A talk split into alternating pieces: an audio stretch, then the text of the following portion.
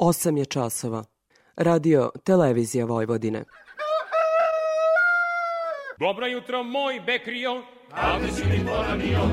Dobro jutro, moj bekrio, a gde si mi poranio? Ta kako ne bi poranio kad upravo počinje emisija Radio Novog Sada. Poljoprivredno dobro.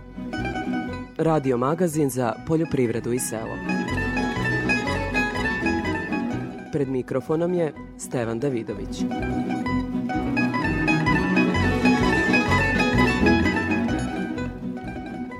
Dobro jutro. Bližimo se vremenu za prihranu pšenice. S tim poslom ne treba žuriti jer prema preporukama stručnjaka sada je neophodno da se uradi analiza zemljišta na sadržaj azota. Ta analiza košta koliko i 15 kg đubriva, kaže direktor poljoprivredne stanice u Subotici Damir Varga i zaključuje da se to veoma isplati, jer se preciznim doziranjem može uštediti do 500 kg đubriva na 10 hektara. U ovoj emisiji mogu da se ostvare uštede, da se racionalno primeni azot i da se ostvare visoki prinosi. Ukoliko, ukoliko se da suviša azota, imali smo eto, situaciju prošle godine kada je u junu bilo onaj visoki toplotni talas, to je rezultiralo nižim prinosima pšenice. Ukoliko ne date dovoljno azota, opet se ostvaraju nešto niži prinosi, tako da u svakom slučaju treba koristiti ono što nauka može da pruži. I u temi emisije ostajemo kod pšenice i ječma, a govorit ćemo o problemima koje donose klimatske promene i sve izraženiji napad štetnih organizama. Zime su sve kraće i sve blaže, pa mrazevi mogu na probuđenim voćkama da naprave veliku štetu. U nastavku emisije dajemo savete kako ublažiti posljedice i preduprediti štetu. Naša zemlja ima veliki potencijal za proizvodnju svinja, odnosno tovljenika, međutim ciklična kretanja cena u toj grani stočarstva prave probleme farmerima. O tome takođe govorimo u nastavku emisije. Toliko u uvodu sledi muzika pa izveštaj agrometeorologa.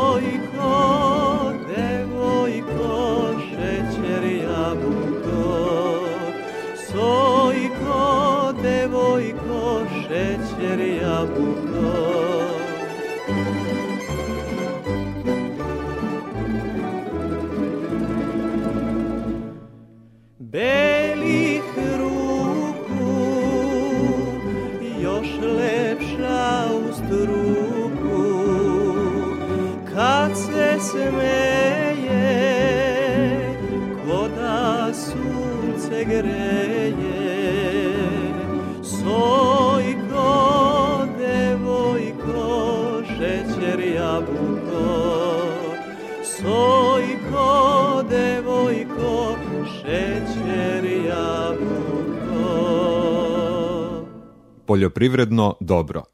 Radio Novi Sad.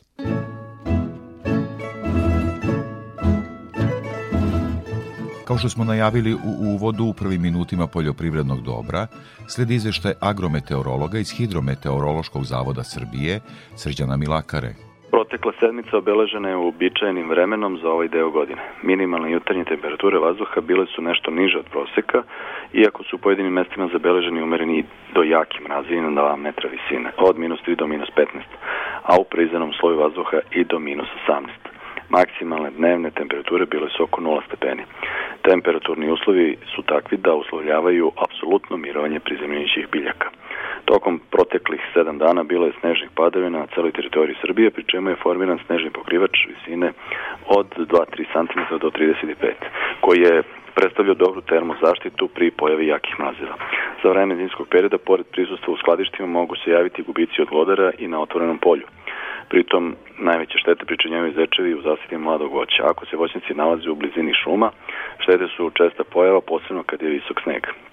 Oštećenja nastaju glodanjem kore stabala mladih voćaka, ponekad i vinova loze.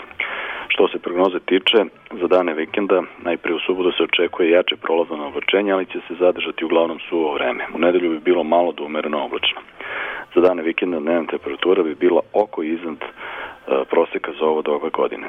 Od ponedeljka prognozira se umereno do potpuno oblačno vreme, uz postepen pad temperature i u pojedinim danima sa kišom i snegom. Krajem naredne sedmice bilo bi hladno, mestimično sa snegom. Za Radio Novi Sad, Srđan Milakara, Hivnoteoški zavod Srbije.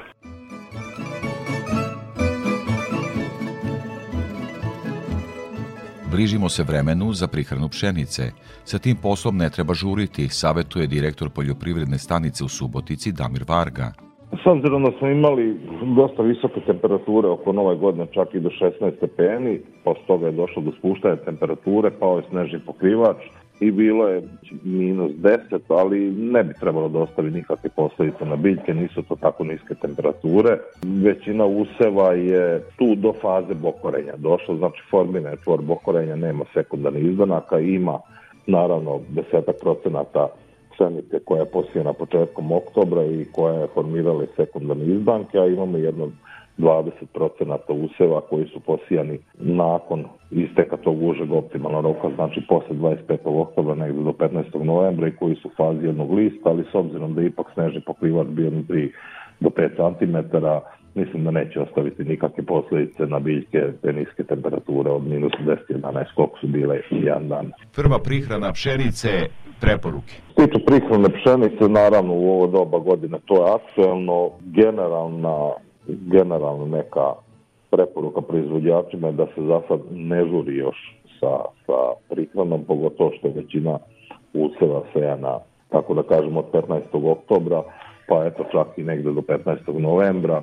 Usevi su manji, nisu potrošili rezerva azota, ipak je dato sa osnovnim đubrenjem jedan deo azota, tako da nema potrebe, malo dok ne vidimo kakve će biti ove vremenske prilike. I obično januar je dosta hladan, tokom februara isto imamo hladnih dana kada je zemlja smrznuta, kada se može obaviti prihrana, bude i padavina, tako da nema potrebe da se žuri. Bitno je savjet je, s obzirom da su đubrivi jako skupa, da se odrade analize. Mi u poljoprivrednoj stručnoj službi Subotice danas krećemo sa, sa dobili smo prve uzorke koji su juče uzeti i krećemo sa uzorkovanjem zemljišta i analizom da vidimo koliko je sadržaj azota u zemljištu i koliko je to koliko bi trebalo dodati đubrivima da bi se obezbedio jedan visoki stabilan prinos.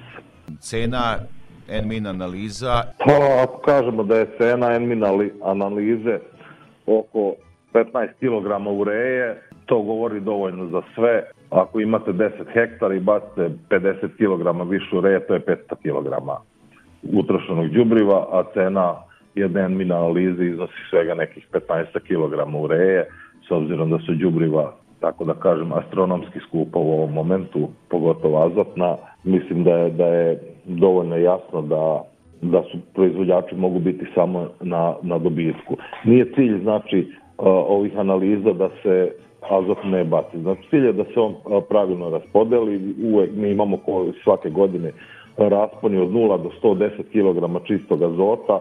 Svake godine mi imamo, znači, kod pšenice, kod uljane repice, kod ječma, velike raspone i ukoliko se odradi analiza, ukoliko se pravilno dozira azot, samim tim znači mogu da se ostvare uštede, da se racionalno primeni azot i da se ostvare visoke prinosi. Ukoliko, ukoliko se da suviša azota, imali smo eto, situaciju prošle godine kada je u junu bilo onaj visoki toplotni talas, to je rezultiralo nižim prinosima pšenice.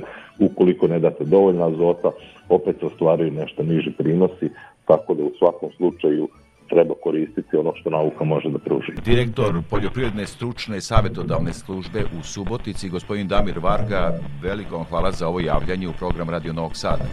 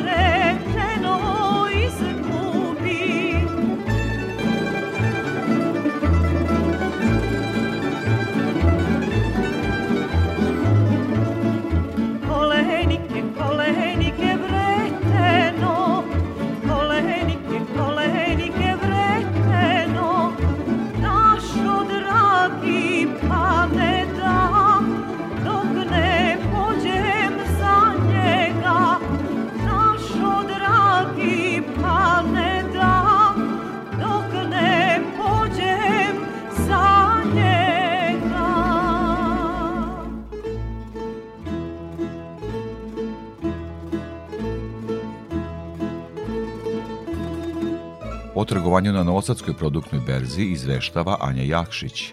Posle praznika zabeležena je povećana aktivnost robno-berzanskih učesnika, ali i rast cena primarnih poljoprivrednih proizvoda. Ukupan promet za ovu nedelju je iznosio 4284 tone, čija je finansijska vrednost iznosila 150 miliona 322.450 dinara. Za razliku od prethodnog perioda gde je bilo zabeleženo odsustvo tražnje za kukuruzom od strane izvoznika i domaćih prerađivača, protekla nedelja donosi promene u vidu veće zainteresovanosti za kupovinom ove žitarice.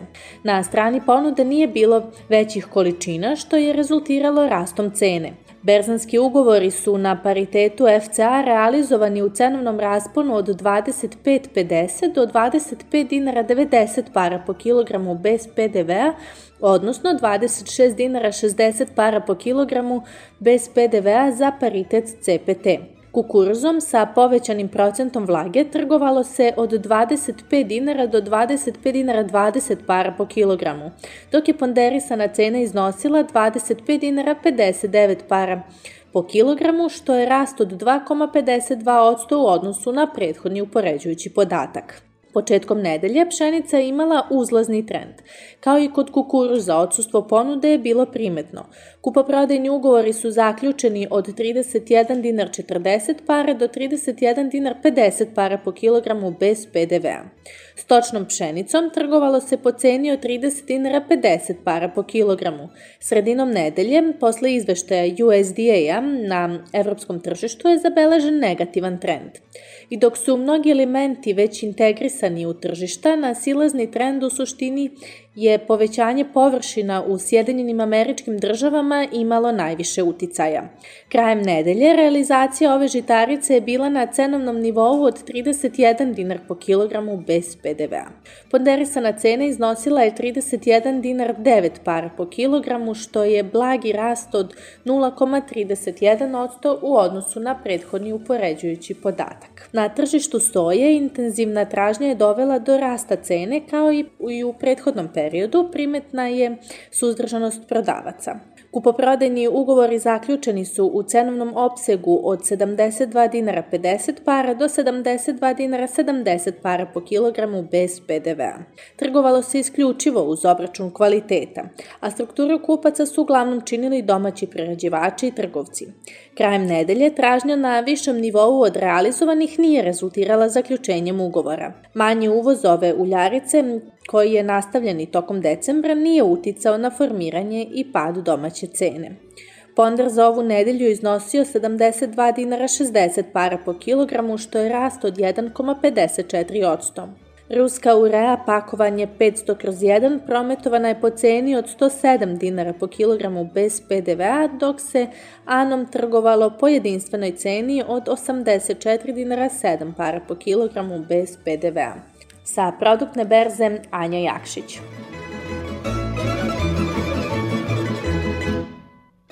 Kao i svake nedelje pratimo izvešte o cenama sa tržišta žive stoke. Iz Infotim Logistike Gordana Jeličić. U toku ove nedelje naši saradnici su tovne svinje sa farme oglašavali po ceni od 165 do 175 dinara po kilogramu, tovljenike sa mini farme po ceni od 165 do 170 dinara po kilogramu, a tovljenike iz otkupa po ceni od 157 do 165 dinara po kilogramu. Povratno što dobijamo od većine naših saradnika da su utovari za ovu nedelju bili na cenu 170 dinara po kilogramu. Za iduću nedelju od strane klaničara dobijamo informaciju da su nabavke svedene na minimum i da će nivo cena u pregovorima biti u rasponu 160 do 165 dinara po kilogramu. Ponuda jagnjad je oglašena po ceni od 350 do 370 dinara po kilogramu, a ovce za klanje su nuđene po ceni od 135 do 138 dinara po kilogramu. Beležimo više nivo cena u oglasima za jagnjad zbog smanjene operativnosti robe na terenu. U toku nedelje prasaca farme oglašena su u rasponu cena od 250 do 296 dinara po kilogramu, prasaca mini farme po cenama od 260 do 277 dinara po kilogramu, a prasad iz otkupa po ceni od 250 do 277 dinara po kilogramu. U ovom periodu i dalje je povećana potražnja za prasadima za klanje. Ponude bikova Holstein oglašene po ceni od 255 do 265 dinara po kilogramu, a bikova simentalaca po ceni od 275 do 280 dinara po kilogramu. Beležimo viši nivo cena i povećane potražnje. Cene su izražene bez PDV-a. Za Radio Novi Sad, Gordana Jeličić iz Infotim Logistike.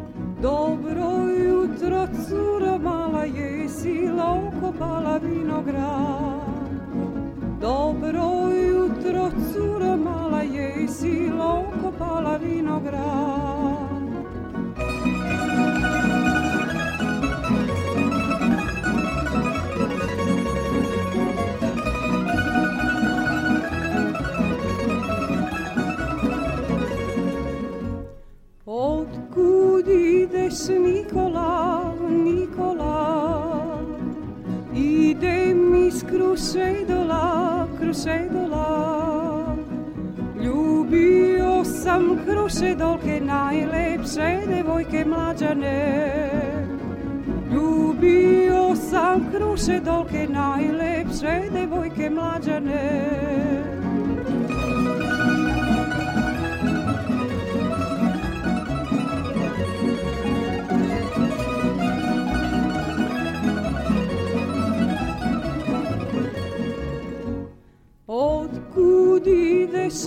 Anice, Anice, idem iz Ravanice, Ravanice.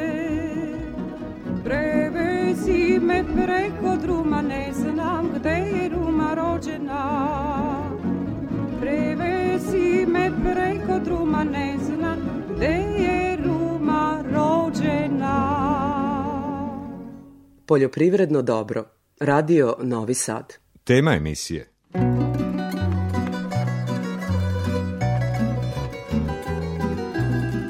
I u temi emisije ostajemo kod pšenice i ječma, a govorit ćemo o problemima koje donose klimatske promene i sve izraženiji napad štetnih organizama. Gost je stručnjak Novosadskog instituta za ratarstvo i povrtarstvo Radivoj Jeftić. Koliko smo mi spremni, dakle, ajde da tako kažem, i institut i, i, i domaća tehnologija da odgovori takvim zahtevima i kad su klimatske promene u pitanju i kad su sve veće površine? Pa mislimo da je dobra cena, znači pšenice pokrenula čitav lanac e, kod proizvođača da jednostavno oni koji su imali strpljenje da sačekaju dobru cenu mogli su imati određenu zaradu na pšenici što dugo već nije bilo i samim tim se onda poljoprivredni proizvođači opredelili za e, setvu možda nekih i neplaniranih površina pod pšenicom. Ono što svakako treba da zabrinjava to je upotreba deklarisanog semena koje je već sada na nivou da, da je odnos između deklarisanog i semena sastavano negde 50-50 procenata ili možda čak koji procenat više u korist nedeklariranog semena i to odma povlači pitanje da li će onda ti poljoprivredni proizvođači moći da ostvare planirane te neke prinose koji mogu da im donesu još i veću zaradu u odnosu na, na neki rod koji su, ovaj, koji su oni planirali. Znači, trebalo bi sejati to deklarisano seme. Što se tiče samih površina po stranim žitima, svake godine one se kreću tu negde između 550 i 600 hiljada, što je i ove godine slučaj da kažemo da je oko 600 hiljada posebno pod pšenicom i opšte kad se govori o strnim žitima, to su neke površine znači između 750 i 800 hiljada hektara u Srbiji i to je znači jedna, da kažemo, stalna površina zbog toga što su onda tu ukalkulisane znači površine zato što je koja služe pšenica koja služi za predusev ostalim biljnim vrstama zato što i ostale biljne vrste naravno da imaju ovaj dobru cenu upravo zbog toga što ste rekli da se teže stavlja znači na, na proizvodnju hrane i da smo ove godine ostvarili kad gledamo kao država možda i najveće procente ovaj, koji se tiču hrane. Sad moram vas pitati, klimatske promene, da zahvatimo i taj deo, to je isto dosta bitno, a vezano je za, za, za pšenicu.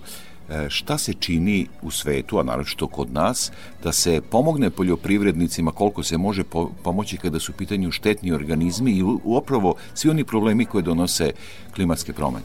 To je problematika koja je već e, mnogo ranije počela da se radi onog momenta kad se vidio znači da se dešavaju neke nepredviđene okolnosti što se tiče samih e, znači vremenskih prilika i e, mnogi projekti su se odnosili na uticaj e, klime i na eventualno mere adaptacije koje će se desiti i kod samih biljaka, a samim tim znači i patogeni koji će se javiti i kako će se oni prilagoditi i odgovoriti na te klimatske promene. Kod nas direktno u institutu, znači što se tiče oplemenjivanja, je sada stvoren, znači napravljen centar izuzetnih vrednosti koji se odnosi upravo na oplomenjivanje biljih vrsta na promene, promene klime. Samim tim znači da e, se već unapred e, razmišlja u tom pravcu da se stvaraju e, takvi genotipovi koji mogu da odgovore znači na postojeće promene, klimatske promene i da se potpuno posmatra znači drugačije da bude i arhitektura same biljke i znači e, potpuno iskorišćavanje genetskog potencijala. Što se tiče patogena, tu smo već radili nekoliko projekata koji se odnose na klimatske promene i jednostavno je znači na neke patogene koji nisu bili karakteristični ili nisu bili prevalentni u našim uh, uslovima, tako da tu takođe imamo dobre podatke, pogotovo znači ako gledamo na neke patogene koje se javljaju i kojima odgovara recimo ti neki uslovi e, suše, onda zatim patogeni koji se javljaju u tim nekim stresnim okolnostima, znači kad e, iz te neke da kažemo saprofitne faze mogu preći u tu parazitnu fazu i onda a, samim tim se ih traže takva rešenja, znači da se stvaraju takvi genotipovi koji, koji mogu odgovoriti na recimo pojavu takvih patogena i samim tim mogu odgovoriti na te neke stresne uslove. Tako da je to jedan povezan proces između znači tipično ili klasično da kažemo oplemenjivanja i oplemenjivanja na uticaj e, biotičkih samo znači sada je kombinovan uticaj biotičkih i abiotičkih faktora. I sad nameće mi se pitanje šta nas očekuje u budućnosti kada su u pitanju patogeni i problemi sa pšenicom? Pre svega rekli smo da je to pojava nekih patogena koji možda ranije nisu bili dominantni. Pre svega tu su, ovaj, znači, pored gljiva koje su nekako najzastupljenije, bakterije i virusi koji takođe e, su sve prisutniji u proizvodnji i da je veoma teška borba protiv tih e, patogena, tako da očekujemo možda da će samim tim što se i u samoj proizvodnji nalazi veliki broj sorti koje su različitog stepena otpornosti prema i da kažemo bakterijama da će eventualno doći do pojave možda nekih patogena koji možda u nekoj godini mogu izazvati izazvati jače jače štete, odnosno veće štete. Ono što je takođe karakteristično to je sve veća pojava znači nekih insekatskih biljnih vrsta koje koji prenose određene viruse i onda takođe tu mora da se obrati pažnja znači na, na te ovaj insekte koji prenose te viruse i naravno da treba da se razvije nauka u tom smeru da ne znači da svaki insekat koji se gaji na nekim samoniklim biljak, biljkama automatski i prenosi taj virus samim tim entomolozi naše kolege koje rade na toj problematici moraju utvrditi znači kod tih insekata da li su oni zaraženi ili nisu zaraženi znači da li je njihova pojava i prisustvo na usevima pšenice i, i ječma može da, da bude ovaj, štetna u smislu prenošenja virusa. Mi smo već negde 97. godine kad je došlo do pojave žute rđe, predvideli da može doći do znači jače pojave ovog patogena usled e, klimatskih promjena i pojave novih rasa i zaista to se i desilo 2014. godine kada, kada smo imali taj problem. Takođe, stablična rđa koja dugo nije bila prisutna i gde smo znači procesom oplemenjivanja uspeli da stvorimo ranije genotipove koji su na neki način imale tu lažnu otpornost i izbjegavali jače napade slabične rđe. Sad vidimo poslednjih godina da je to takođe aktuelna problematika i dolazi do pojave novih rasa i da e, su štete veoma velike i da su značajni gubici znači novčanih sredstava. Međutim, ono što je takođe dobra povoljnost je da većina tih e, fungicida koji se primenjuju i ako se pravovremeno primene onda e, mogu znači da pruža efikasnu zaštitu od ovih patogena. I evo za kraj ovog razgovora, a za početak godine, vaši saveti našim poljoprivrednicima, ratarima koji seju, odnosno gaje pšenicu? Poljoprivredni proizvođači koji su znači veliki poljoprivredni proizvođači imaju na raspolaganju veliki broj znači što se tiče i sredstava informisanja i interneta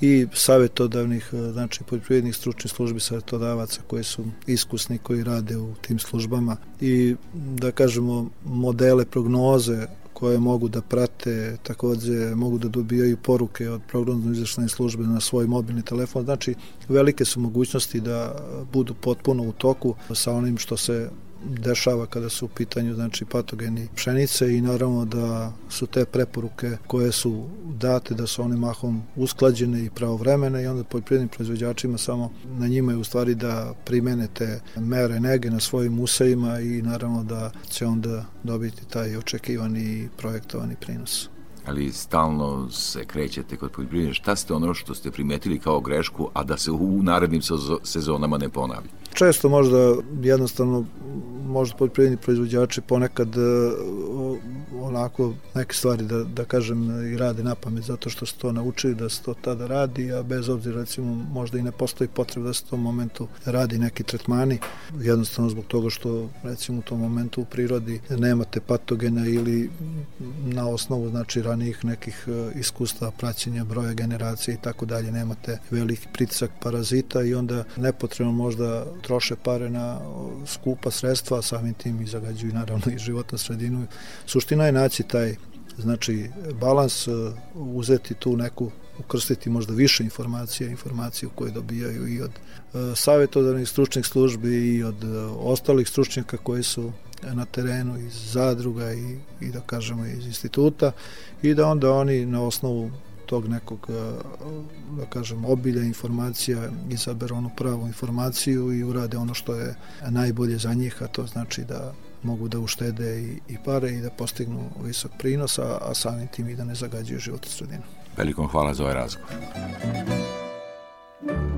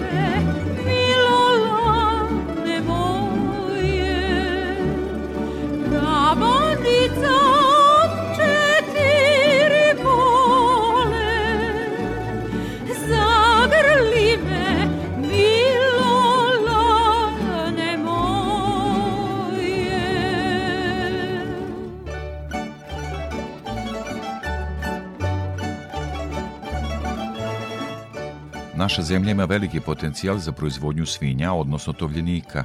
Međutim, ciklična kretanja cena u toj grani stočarstva prave probleme farmerima. O tome sam razgovarao sa proizvođačem u Doroslovu, Ronaldom Hallom. Poznato je da u svinjarstvu su ciklična kretanja, ima boljih, loših perioda. Kako biste procenili ovaj period u kom sada jesmo?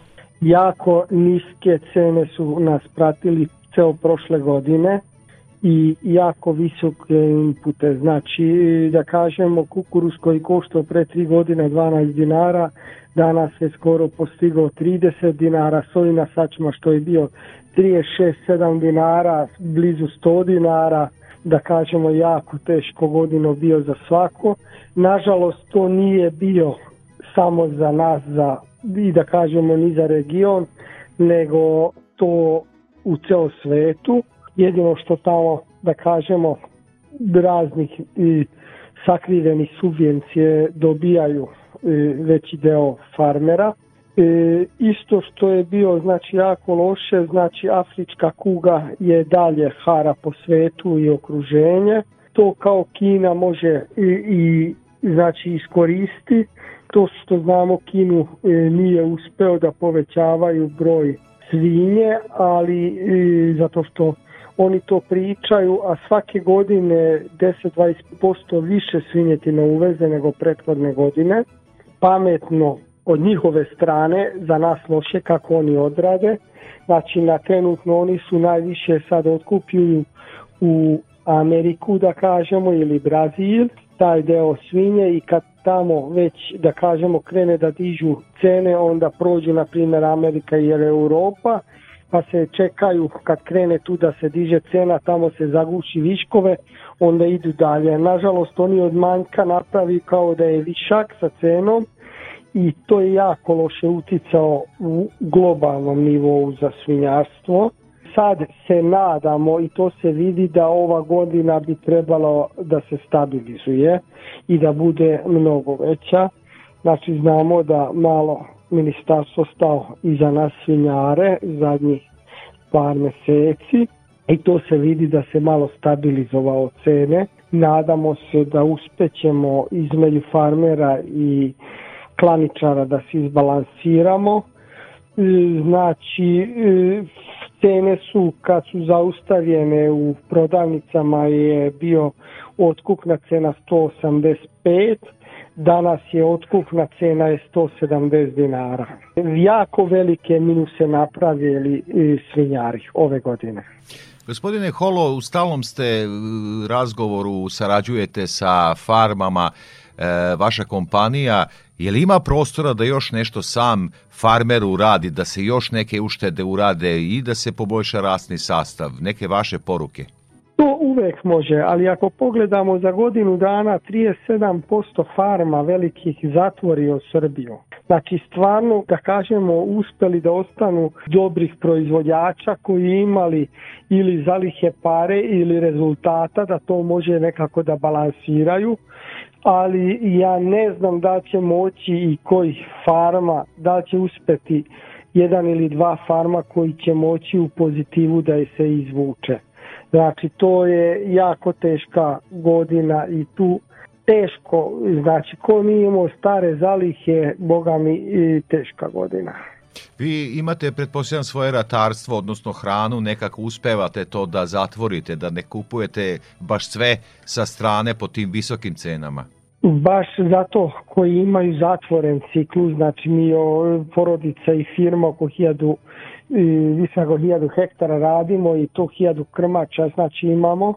Znači mi uspela, uspeli smo da izbalansiramo. Znači to je jedini jedina šansa za opstanak te preček zakupe za stočarstvo i tačno se vidi ovi firme koji su se zatvorili ni jedan nije imao preček zakupa znači nije imao dakle da izbalansira taj veliki minus i to da uvrstimo u razgovor koliko mi imamo potencijala ovde u Srbiji da se tom granom stočarstva bavimo. Dakle, kakvi su potencijali Srbije za razvoj e, svinjarstva? Po meni razvoj e, jako veliku šansu imamo zato što ako pogledamo po kvadratu koliko svinje e, imamo i to sve onda mnogo manje nego ostalih da kažemo Danska, Holandija, Nemačka, Španija, Francuska, znači mnogo manje. Imamo jako puno prostora zato što znači Danci i Holandjani znači već ne znaju sa osokama šta da rade. A nama znači imamo dosta e, površina ratarskih gde bi mogli te osoke da koristimo i da kažemo da e, manje koristimo veštačkih đubriva i to. Tamo kad je ovakva godina što ovde da isto rekordnih cena imamo azota i MPK i sve. Znači sad to je malo i pomoć da možemo iskoristiti. I evo za kraj ovog razgovora vaša farma zaista ima vrhunske resurse. E, šta su preporuke u tom smislu kada je rasni sastav u pitanju? Rasni sastav, ja sam uvek rekao do 300 krmači čovek samo da ima F1 generaciju krmača i da proizvodi znači tovljenike ili priplodni prasa nebitno. Znači što više zatvoreni to bolje.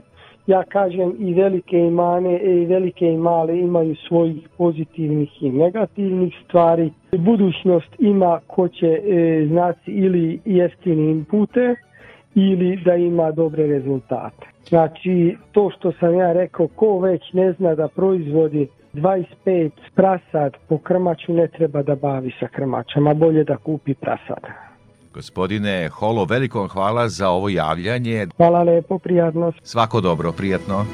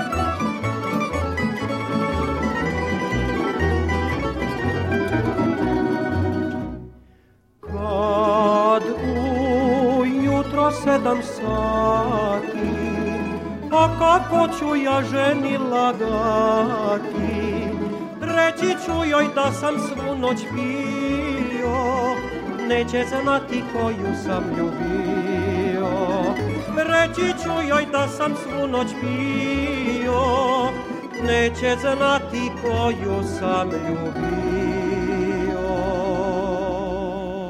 Poljoprivredno dobro Radio Novi Sad.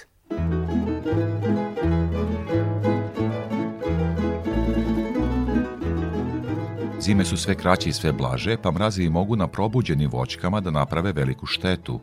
Kako ublažiti posledice i preduprediti štetu, savetuje profesor Nenad Magazin. Kakva su iskustva iz ranijih godina kada je reč o e, mrazevima, o preranom kretanju vegetacije. Znam da i kajsija i šljiva etolane imala problema sa tim. Da, pa svake godine u zadnje vrijeme imamo problema sa sa, sa mrazevima. Nekada je to zaista uzrokovano te nekim kratkim zimskim periodom, naglim kretanjem vegetacije, toplim periodima e, koji su onda praćeni hladnim vremenom. Prošle godine smo imali situaciju da je da je sva vegetacija kasnila, ali u tom kašnjenju smo imali imali ipak e, mrazeve i štetu od mrazeva. Problem je što je zima sve kraća i blaža, ali je mrazni period sve duži. Vrlo je teško sada raditi u ovim uslovima, baviti se voćarstvom u onim krajevima gdje imamo rizik od pojave radijacijnih mrazeva, a to, to su ravničarski tereni, doline, pa čak i nešto viši tereni gdje postoji opasnost i, tako od izmrzavanja. Znači, glavni faktor rizika za voćarstvo u Vojvodini su niske temperature, odnosno prolični mrazevi u fazi u fazi cvetanja i taj faktor je sve izraženiji upravo zbog toga što što je zima sve bla, bla, kraća, blaža i voćke sve ranije cvetaju, a mrazni period, odnosno period u kojem može doći do pojave niskih temperatura, temperatura ispod nule, je sve duži i mi smo svjedoci da da imamo redovno mrazeve u, u aprilu zadnjih godina, a to tada su već mnoge voćke precvetale ili, ili potpuno poracvetale. E, profesore, voćarstvo je jedna od grana agrara koja je zaista lider u izvozu u, u financijskom smislu. Te promene o kojima sada govorimo, koliko, da kažem, nanose štetu našim voćarima, odnosno koliko je smanjen taj izvoz. Evo, pomenuli smo i kajsiju, šljivu, koja je u domaćim uslovima suva vrlo skupa, što će reći da je nema dovoljno. Koliko to ovaj, je, ekonomske probleme pravi? Nama su, naravno svo voćarstvo je bitno, mi proizvodimo sve voće gotovo sve voće izvozimo, bilo kao sveže proizvode, bilo u neki prerađevina, zamrznutog voća, ali, ali, ali za sada to nema nekog velikog odraza na izvoz, a, a, jer nikada se ne desi da kompletno voćarstvo strada. Pogotovo ne one voćne vrste koje su najzastupljenije u izvozu, a to su malina, jabuka, višnja, one su donekle i otpornije na mrazove iz različitih razloga, zbog kasnijih cvetanja i slično. Tako da u ukupnom zbiru voćarstvo je stalno u nekom uzlovnoj putanji, ali pojedine voćne vrste budu u nekim godinama značajno, značajno podbace, ali to što nema izvoza ne znači da ono, oni voćari koji ima ostane rod da će da prođu loše jer se onda desi da cijena bude cijena bude bolja na domaćem tržištu. Tako da za sada nemamo veliki, ali definitivno te klimatske promjene ili promjene vremenskih prilika, kako god da ih nazovemo, su nešto čim se moramo ozbiljno baviti i nalaziti načine da naše voćarstvo efektivno zaštitimo od, od, od, od toga, odnosno nađemo mjere kako, osim preventivnih i aktivne mjere kojima bismo voćke zaštitili od izmrzavanja. Upravo to i jeste za kraj razgovora moje pitanje, profesore. Dakle, šta učiniti da se smanje štete, odnosno šta učiniti u ovakvim situacijama visokih temperatura, potencijalnog mraza i tako? Najvažnija mjera je preventiva, u, na neodgovarajućim terenima ne saditi voćke ili saditi one voćke koje mogu da da u tim uslovima da daju rod, da, da imaju manju štetu da nemaju štetu, uh, znači odabir lokaliteta, prije svega odabir voćne vrste i sorte koje su adekvatne u tim uslovima, a od aktivnih mjera postoji pregršt mjera koje su dosta skupe, koje naši voćari mogu da rade, kao što su antifrost sistemi, kao što su vjetrogeneratori, u novije vreme antifrost sistemi e, koji su sa mikrorasprskivačima, sa manjom količinom utrošene vode, e, u svijetu su se primjenjuje i mjere kao što je upotreba plamena, odnosno različitih parafinskih svijeća, to su sve neke aktivne mjere koje, u kojima trebaju voćari da razmišljaju i koštaju, ali uz neku infrastrukturu koja bi možda bila podržana od strane države, subvencije, to bi značilo mnogo jer da li imate mraz ili nemate i štetu od njega nekad znači da li uopšte imate plodova ili nemate. Profesore, veliko hvala za ovaj razgovor i učešće u programu Radio Novog Sada.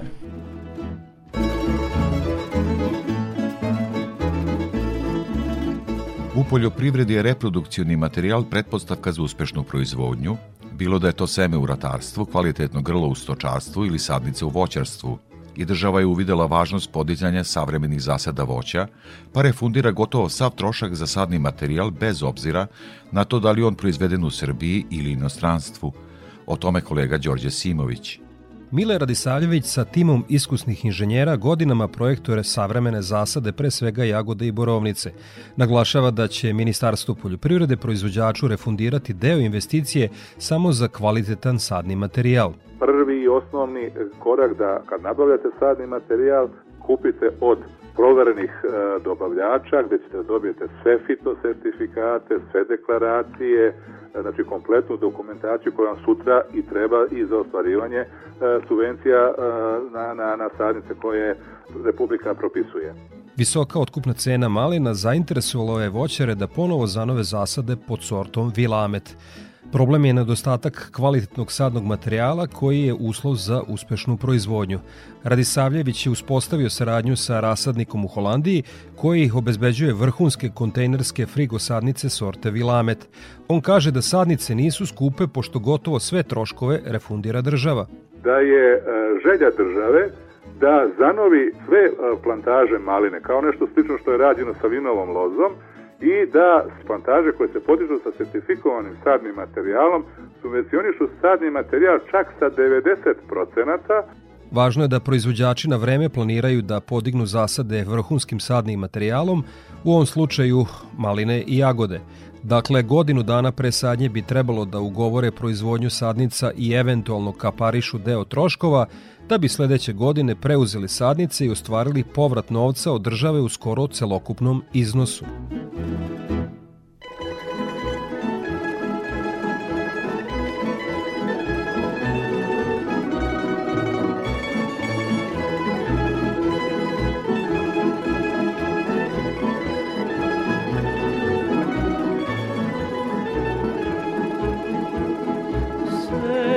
Sećaš li se onog sata kad si meni oko vrata, kad si meni oko vrata, bele ruke savila.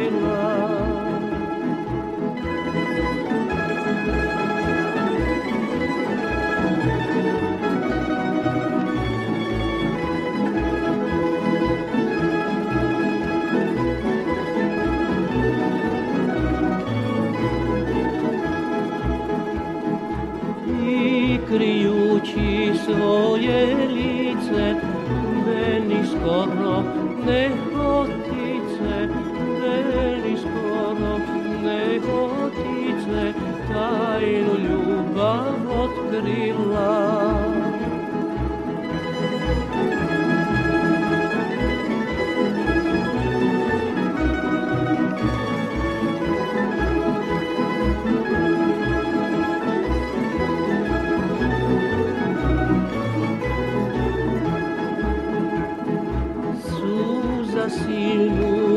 tvom oku i otvori preduboku i otvori preduboku ravnu bednost srca kvalitetu meda na domaćem tržištu često se polemiše. Za širu javnost te ocene neretko mogu biti zbunjujuće, a važno je napomenuti da validnu kontrolu kvaliteta meda rade samo relevantne institucije.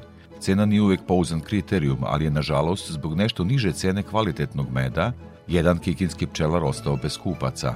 Tanja Popović. Duže od pet decenija Kikinđanin Stevan Komluški bavi se pčelarstvom. Hobi, dodatni posao, ljubav prema pčelama, kako sam kaže, i danas ga drži. Uvijek je insistirao na kvalitetu suncokretovog, odnosno banatskog letnjeg meda. Iz privatnih razloga, želeći da proizvedeni med što pre proda, odlučio se za nešto nižu cenu od aktuelne tržišne. Međutim, od kako se u nekim medijima moglo čuti da med koji košta 500 dinara nije pravi med, prodaje, kaže naš sagovornik, gotovo potpuno stala. Cena meda i kvalitet meda su dve potpuno različite stvari. Reč je o tome koliko su ljudi ozbiljni i koliko su, kako da kažem, spremni da to što nude na tržištu bude ispravno. Ja za 50 i neku godinu jedan gram meda nisam krivotvorio, niti bi to uradio po ne znam koju cenu. Validnu kontrolu kvaliteta meda rade samo relevantna institucija, cena nije uvek pouzdan kriterijum. Troškovi proizvodnje određuju cenu meda, a otkupna cena suncokretovog meda trenutno je oko 420 dinara. Pojedini pčelari odlučili su se za prodaju meda po ceni od 500 dinara, ali kvalitet nije upitan, kaže Saša Čolak, predsjednik Kikinskog udruženja pčelara ja mogu za određene ljude, pa čak i za gospodina Komuluškog da kažem da je njihov med potpuno ispravan. Znači, nema tu nikakve, e, nikakvih dodataka koji snižavaju vrednost, pa samim tim snižavaju cenu, nego jednostavno To je njihova odluka, njihova volja, šta, on, šta oni hoće da dobiju sa tim, oni tako i prolaze. Ja zaista ne znam šta da kažem. Konkretno što se njega tiče, apsolutno sam siguran da je, da je isključivo med u pitanju. Da li se gospodin Komluški pokajao što je u želji da proda med spustio cenu kvalitetnog suncokretovog meda? Baš nisam siguran šta je sad tu najpametnije, tim pre što ima mišljenja da ako podignem cenu da ću bolje prodaviti nego ako mi je cena niska. Možda i tako. Različite vrste meda imaju različitu cenu, a da li je med pravi znaćemo tek kada ga probamo kod kuće. Zato je najvažniji savet kupovina kod proverenih proizvođača. Tada je niža cena meda prednost, a ne mana. I pred kraj emisije još jednom prognoza za narednu sedmicu. Iz Hidrometeorološkog zavoda Srbije, Srđan Milakara. Što se prognoze tiče, za dane vikenda, najprije u subotu se očekuje jače prolazno oblačenje, ali će se zadržati uglavnom suvo vreme. U nedelju bi bilo malo do umereno oblačno. Za dane vikenda dnevna temperatura bi bila oko iznad e, proseka za ovo doba godine. Od ponedeljka prognozira se umereno do potpuno oblačno vreme, uz postepen pad temperature i u pojedinim danima sa kišom i snegom. Krajem naredne sedmice bilo bi hladno, mestimično sa snegom.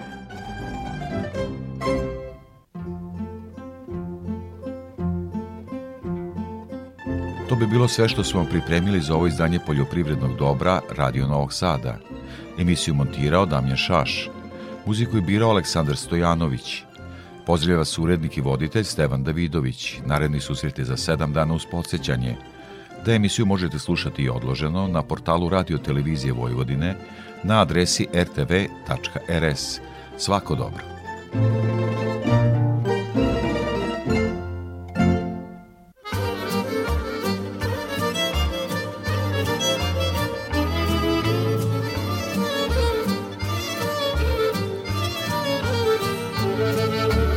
Moja je ravnica zlatno klasje žita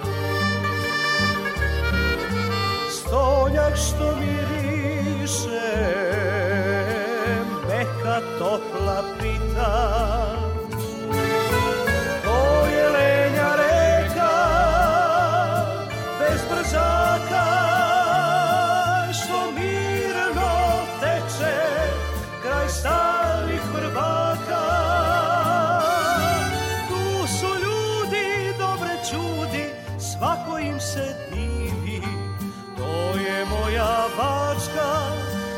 se s pesmom živi Tu su ljudi dobre čudi svako im se divi. To je moja bačka gde se s pesmom živi.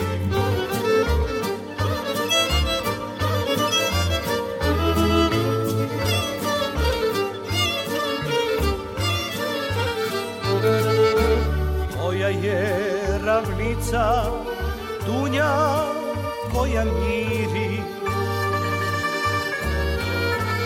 I prevruće leto Kotao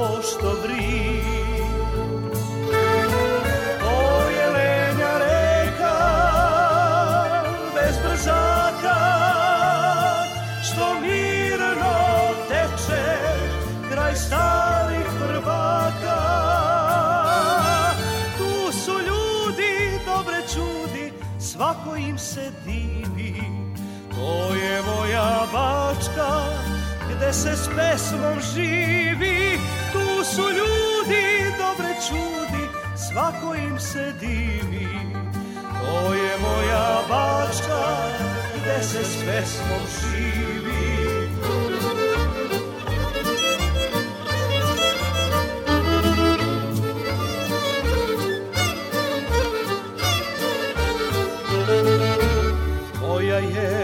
ravnica jabuka u cvetu. Letni san pod dudom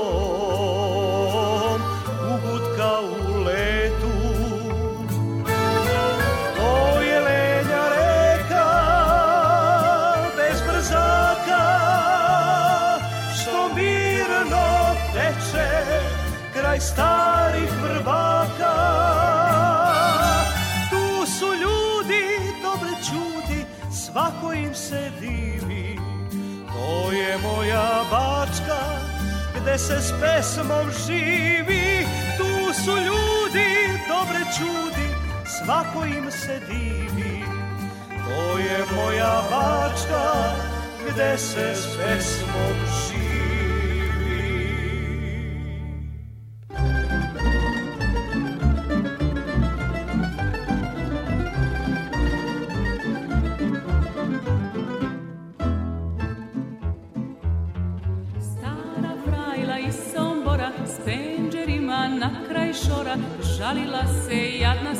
šljiva što na kraju kuću ima.